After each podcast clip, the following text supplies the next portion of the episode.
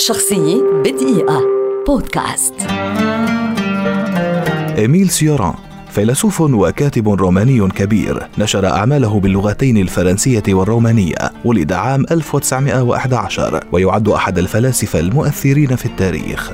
اضطر للرحيل سنة 1921 إلى سيبيو المدينة المجاورة حيث المعهد الثانوي ثم اضطر ثانية للرحيل إلى بوخارست لدراسة الفلسفة وهناك عرف للمرة الأولى أول عوارض المرض الذي سيرافقه كثيرا وهو الأرق لكنه سرعان ما حول ليالي الأرق إلى وسيلة للمعرفة فحينما كان في سن الثانية والعشرين ألف كتابه الأول على ذور اليأس الذي نشر عام 1934 انتقل سيوران لاحقا إلى برلين حيث أقام فترة للدراسة ثم تفرغ لتدريس الفلسفة بمعهد براسلوف. نشر العديد من المقالات بالإضافة لنشره لكتابه الثاني كتاب الخداع باللغة الرومانية أيضا. إلا أنه في نهاية 1937 وقبل صدور كتابه دموع وقديسين حصل على منحة من معهد بوخارست الفرنسي وارتحل على الفور.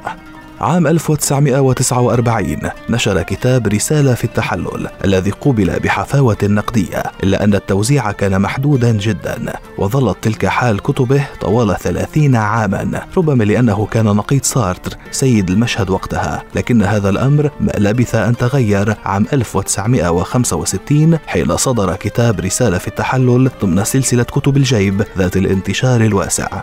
ظل سيوران يمتنع عن الجمهور ويرفض الجوائز ويبتعد عن وسائل الإعلام مكتفيا بالكتابة. قام بتأليف 15 كتابا منها تاريخ ويوتوبيا المياه كلها بلون الغرق. لو كان آدم سعيدا ومثالب الولادة بالإضافة إلى المخطوطات التي عثر عليها بعد وفاته عن عمر 84 عاما سنة 1995 شخصية بدقيقة.